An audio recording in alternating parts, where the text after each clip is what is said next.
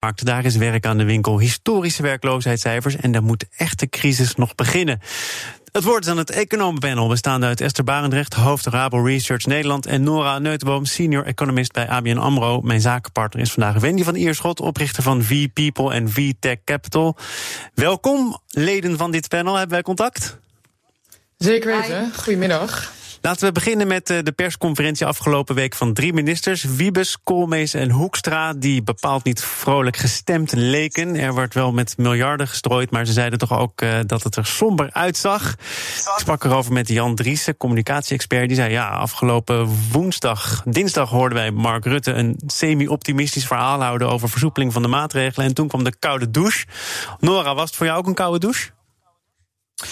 Uh, ik denk minder. Kijk, we, we praten natuurlijk hier over twee verschillende dingen. Enerzijds het verloop van het virus. En daar kunnen we, denk ik, enigszins positief over zijn. Het aantal ziekenhuisopnames neemt af en dergelijke. Maar we natuurlijk ook het verloop van de economie. En uh, daar kunnen we minder positief over zijn. Uh, sterker nog, ik denk dat bijna alle economen het er nu wel over eens zijn dat het geen V-shaped recovery gaat zijn, maar dat we toch wel in een diep langdurige recessie terechtkomen. Um, en vandaar denk ik ook uh, de nieuwe NO2-regeling die is aangekondigd. de overheid is eigenlijk nu voorbij de fase van de brandplussen. Uh, wat ze tijdens de lockdown hebben gedaan. En nu gaan ze proberen stap voor stap weer de economie op een hoge groeivoet te zetten. En ik denk dat de NOE-2-regeling daar een goede stap in de richting is. En, en wanneer kwam voor jou het besef dat die V er niet meer in zat en dat je eerder moest gaan denken aan een L of een U? Ik heb verschillende letters al voorbij horen komen. Ik weet niet bij welke letter jij gebleven bent.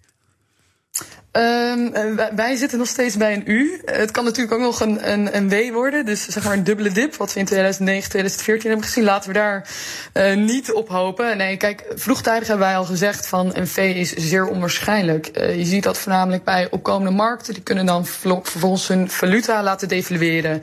Hun export um, laten op, oplopen. En vervolgens zeg maar zo snel uit de recessie komen. Nou, dat kunnen wij als Nederland, als onderdeel van de eurozone met de euro kunnen wij dat natuurlijk niet. Dus er werd al, het was al vrij snel duidelijk dat het geen V-shaped recovery zou worden. Uh, inderdaad, een U-shaped recovery, dat is waar we nu tegenaan kijken. En ik denk, om even terug te komen op je eerste vraag, de NOW-2-regeling, is daar denk ik een goede stap in. Dus daarmee is de, de zogenaamde ontslagboete, die gaat van 150 naar 100 procent, dus die is uh, verdwenen. Dat betekent dat mensen, dat uh, werknemers gemakkelijker kunnen worden ontslagen. Maar het is ook een feit dat bedrijven natuurlijk nu in een nieuwe realiteit terechtkomen. Waar ze waarschijnlijk niet op maximale capaciteit kunnen draaien. Ja. En daarom is het belangrijk dat ze zich kunnen voorbereiden op de toekomst. En die toekomst ziet er misschien uit met minder werknemers. En dan is het beter om dat nu die klap te pakken. dan dat weer uit te stellen tot een later moment. Ja, ik geloof dat Wiebes het had over ruimte voor aanpassingsvermogen. Esther, is dat net geformuleerd dat bedrijven de ruimte krijgen om mensen te ontslaan?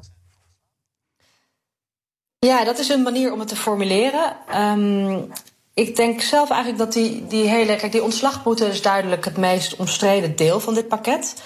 En um, terwijl eigenlijk je kunt het um, ook zien als een, een middel om toch die werkgelegenheid te behouden. Dus uh, wat, wat er dreigde te gebeuren was dat, was dat die ontslagboete voor sommige bedrijven een barrière werd om de steun nog aan te vragen.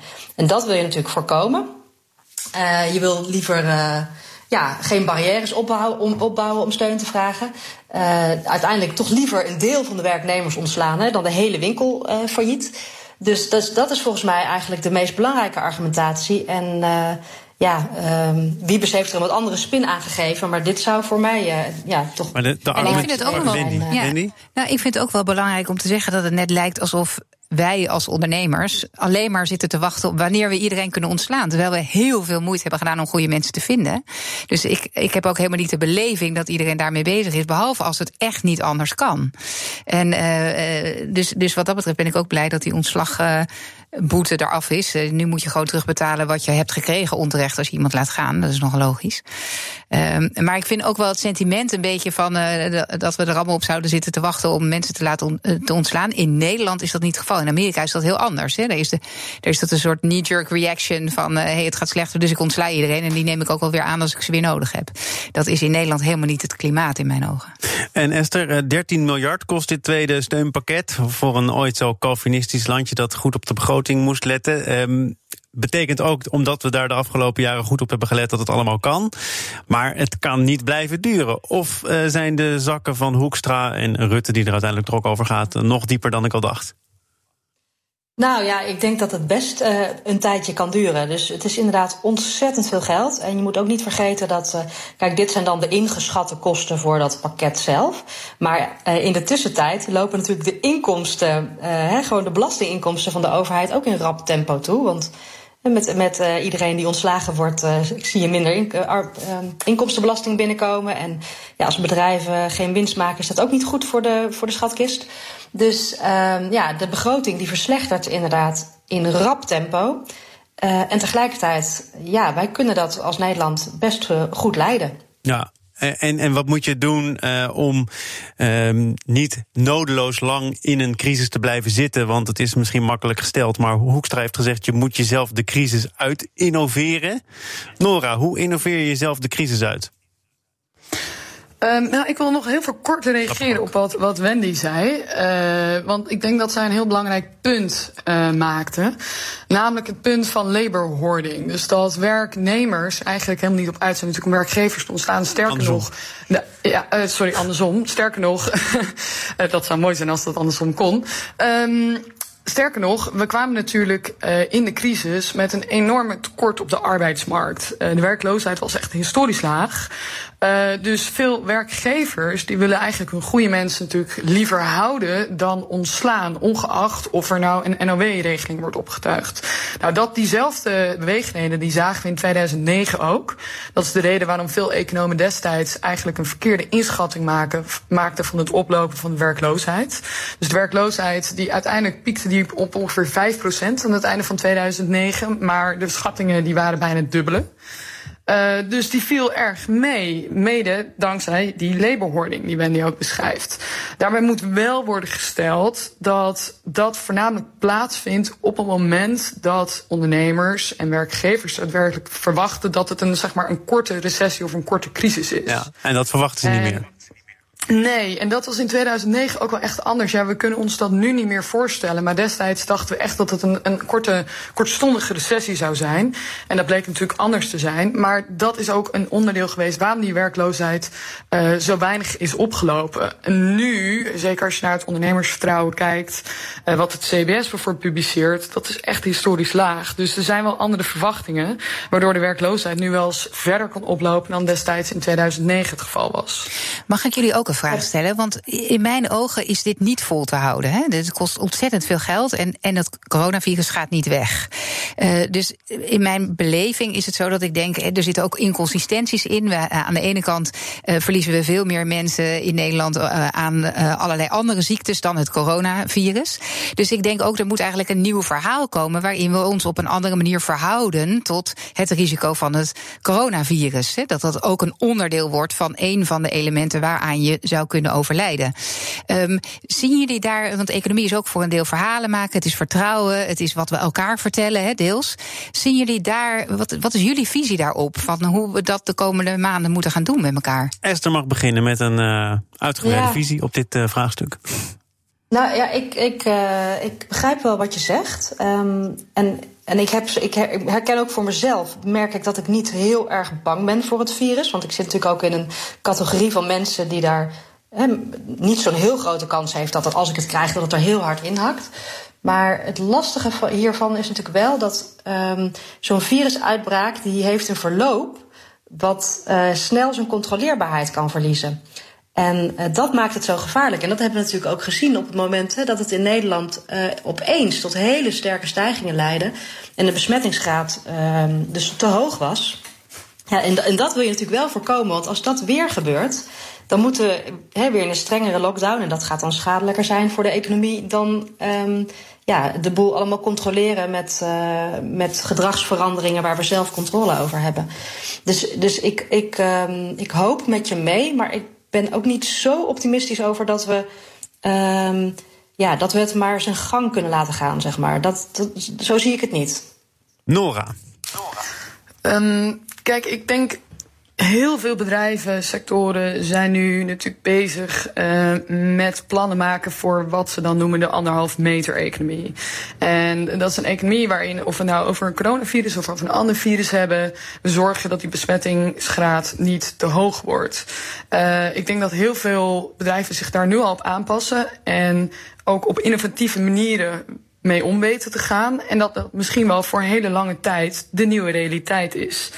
En Um, maar daarna wil ik ook aansluiten bij wat Esther net zei. Uh, en daar heeft ze een goed punt, namelijk de grote onzekerheid die gepaard gaat met zo'n virus, omdat het verloop van zo'n virus grillig kan zijn.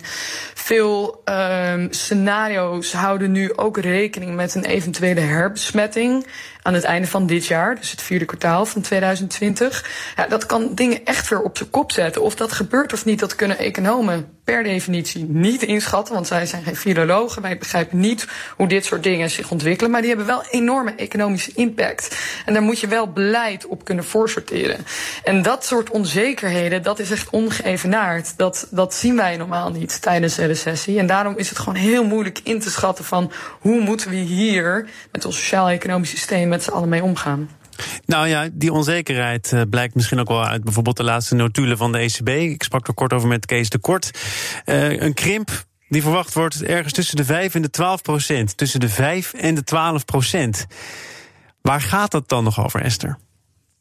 Ja, ja dat is bijzonder hè. Ik herken dat wel hoor. In normale tijden maken we ons druk over twee tienden. En nu, en nu accepteren we dit soort enorme uitslagen. En dat geeft denk ik ook inderdaad het belang weer van uh, scenario-analyses. Dus, uh, dus je, ja, je, je moet eigenlijk inderdaad meer mogelijke uitkomsten ook heel goed ja, bekijken en doorrekenen en, en, en doordenken wat dat dan betekent. Omdat ja, de onzekerheid gewoon heel erg groot is. En ik denk dat ook heel veel bedrijven, in ieder geval hè, bij, de, bij de banken doen we dat zeker, uh, die scenario's, uh, werken met die scenario's. Ik vermoed dat heel veel bedrijven dat ook doen. En ik ga er ook vanuit dat de Rijksoverheid dat, uh, dat ook doet op het moment. Ja, en we zullen veel meer gaan testen, denk ik ook. Om het snel te kunnen detecteren. Ja, ik ga ook snel wat doen. Zaken doen. Een jingle, je bestelt hem en hij is er al. Esther Barendrecht, hoofd Rabo Research Nederland. Eh, Nora Neutenboom, senior economist van ABN AMRO. En mijn zakenpartner Wendy van Ierschot, oprichter van V-People en V-Tech Capital... vormen samen het economenpanel van vandaag. Ik wil met jullie toch nog even wat dieper in op de arbeidsmarkt. Omdat er ook zo her en der wordt gezegd... het is dan wel een situatie op de arbeidsmarkt... maar de arbeidsmarkt ziet er voor iedereen anders uit. En als je het echt toespitst op generaties... dan is het eigenlijk een generatieconflict. Want als je uh, tot de flexibele schil behoort... dan heb je het aanzien aanzienlijk slechter getroffen dan de mensen met een vast dienstverband. Is dit, is dit een generatieconflict in wording, Nora?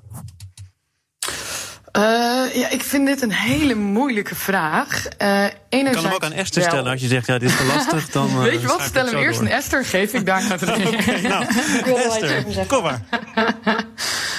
nou, ik, ik denk wel dat um, ja, dat je eigenlijk ziet dat de arbeidsmarkt meer een, um, toch, toch meer een verhaal is geworden van insiders en outsiders. Misschien ook meer dan ons lief is. En, uh, en wat het pijnlijk is nu, hè, dat we hebben natuurlijk een sterke stijging van de flexibele schil gezien in de afgelopen jaren. Um, zeg maar voor, vlak voor de vorige crisis was die ongeveer 25 procent. En nu is die uh, ongeveer 35 procent. Dus dat, dat, scheelt natuurlijk heel erg. En het, en het ironische is natuurlijk dat die coronacrisis juist in die sectoren waar heel veel flex is. Uh, zo hard toeslaat. Hè. Dus denk aan de horeca en de recreatie, maar ook wel aan de detailhandel. Dus um, ja, dat, dat, dat maakt het extra pijnlijk.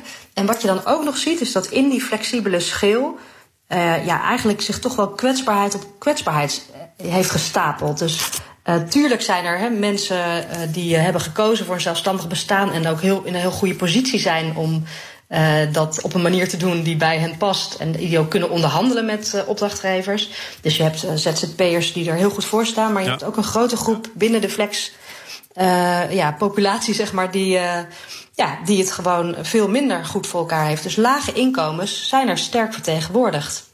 En, uh, ja, en als je dan een, al een laag inkomen hebt en je verliest uh, uren of zelfs je baan hè, door zo'n coronacrisis, Uh, nou, en je moet terugvallen op opgebouwde WW-rechten. Als je jong bent, zijn dat er ook nog niet zoveel. En dan is de WW natuurlijk ook nog een. Uh, ja, die keert niet je hele oude salaris uit. Nou, dan zit je gewoon al heel snel echt op een, op een uh, laag inkomen waar je dan van moet rondkomen. En dat is denk ik best een hele pijnlijke uitkomst van deze crisis. Ja, Nora. Je hebt uh, twee ja. minuten respijt gekregen.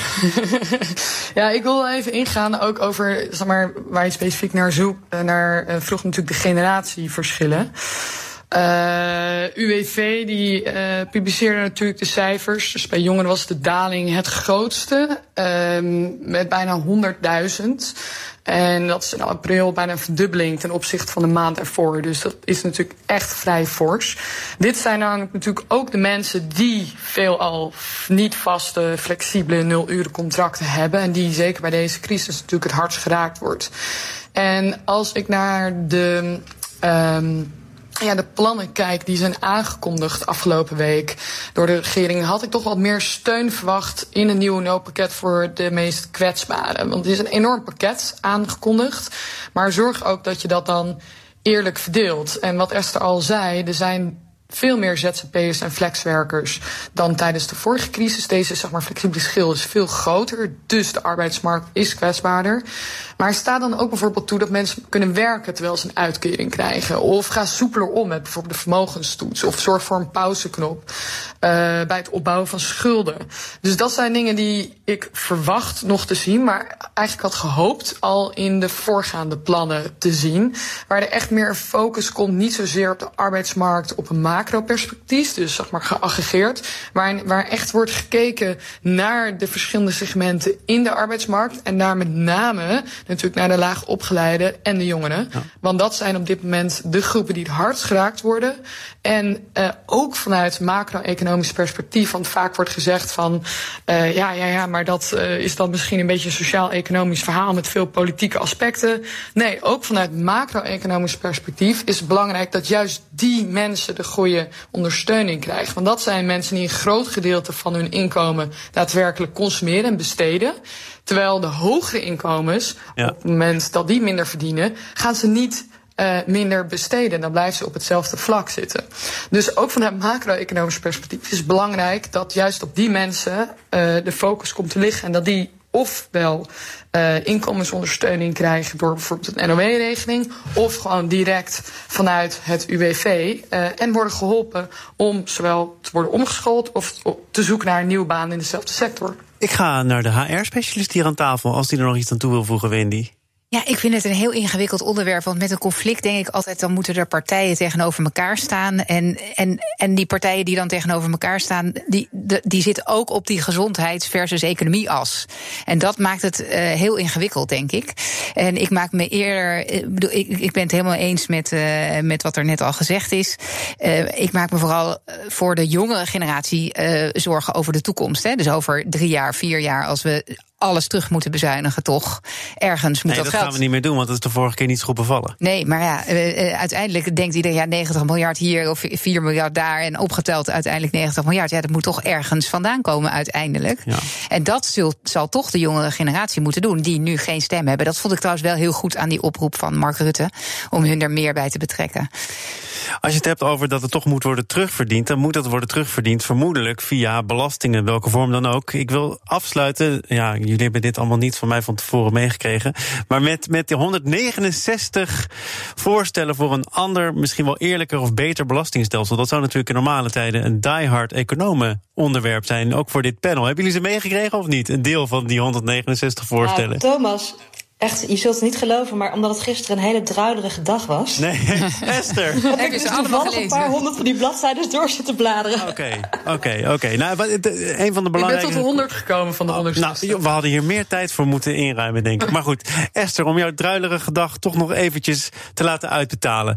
Uh, jij hebt echt uh, behoorlijk gebladerd. Een van de belangrijke conclusies die ik zag was meer belasting op, op kapitaal en, en iets minder op arbeid. Maar dat was toch al een beetje de richting van de beweging, of niet? Ja, dat klopt wel. Ook dit kabinet doet daar ook wel iets aan. Um, met, uh, met verlaging van de inkomstenbelasting. Maar dat is ook echt wel, uh, ook echt wel nodig. Want Um, het is zowel zeg maar, in de tijd heel erg opge opgelopen richting uh, belasting van arbeid. En ook um, in internationaal perspectief ja, steken we er daar toch wel uit. En dan kun je zeggen van ja, dat, dat is niet eerlijk, het een meer en het ander minder. Maar, maar misschien nog wel meer dan een eerlijkheidsvraag is dit ook gewoon echt een financieel probleem. Want um, zeg maar, de grondslag staat onder druk, omdat door de vergrijzingen ja. uh, en ook door de flexibilisering op de arbeidsmarkt. Dus er, zijn, er is steeds minder arbeid om te belasten. En uh, als je daar dan erg afhankelijk van bent, als, uh, van uh, de rijksbegroting, van die belasting op arbeid, dan, ja, dan zie je het al voor je. Dan ziet het er wat minder gunstig uit. Er zat er iets tussen dus waarvan jij denkt, hé, hey, dat valt mij echt op. 169 voorstellen, de verkiezingen komen eraan. Er moet natuurlijk eigenlijk iets mee gebeuren. Wat is een opvallend voorstel?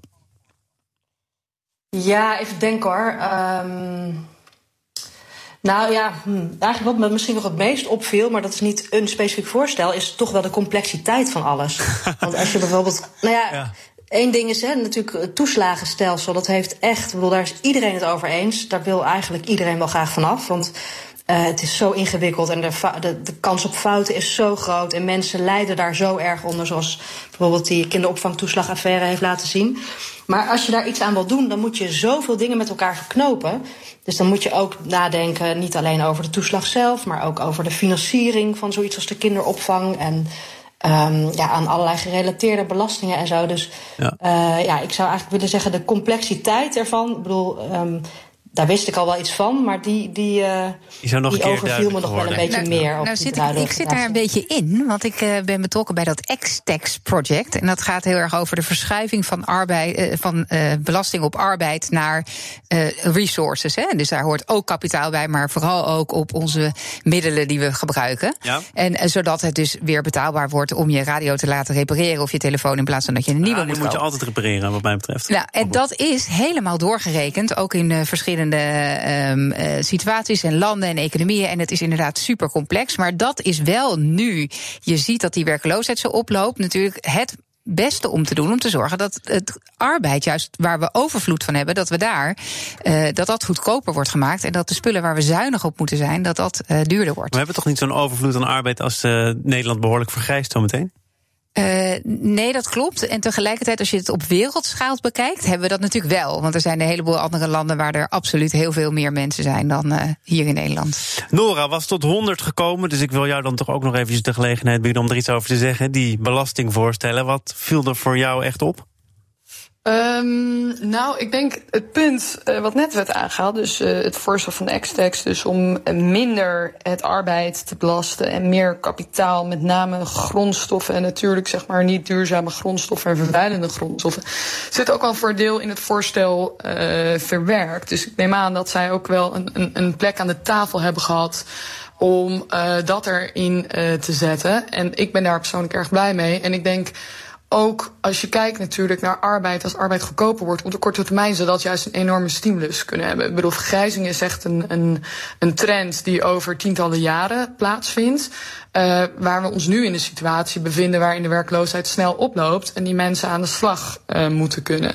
Dus ik denk zeker op de korte, midden en lange termijn dat dat korte middentermijn dat dat een goede oplossing is. Op de lange termijn zal natuurlijk vergrijzing toeslaan. Maar desalniettemin is denk ik op dit moment de hoe arbeid en kapitaal wordt belast gewoon echt niet in verhouding. Dus ik denk dat daar we daar sowieso wel wat kan worden weg, uh, rechtgetrokken. En dat zit ook gedeeltelijk al um, in, de, in de plannen gebouwd. Ja. Dus dat, uh, dat was voor mij in ieder geval een mooie uh, meevaller. Esther Barendrecht, hoofd Rabo Research Nederland. Nora Neutenboom, senior economist bij ABN AMRO. En mijn zakenpartner Wendy van Ierschot, oprichter van V-People en V-Tech Capital. Fijn dat jullie hier op verschillende manieren allemaal waren. Dit was het voor vandaag. Morgen dan is Rob van Gijzel te gast, oud-burgemeester van Eindhoven. Nu voorzitter van Betonhuis, de branchevereniging voor de betonindustrie. Hij roept op tot een nationaal bouwprogramma. Want juist nu, in crisistijd, kan bouwen de economie aanjagen, vindt hij. Morgen meer daarover in BNR Zaken doen. Zometeen eerst Nieuwsroom, onze dagelijkse podcast van het FD en BNR. Gepresenteerd door Mark Beekhuis. Veel plezier, tot morgen.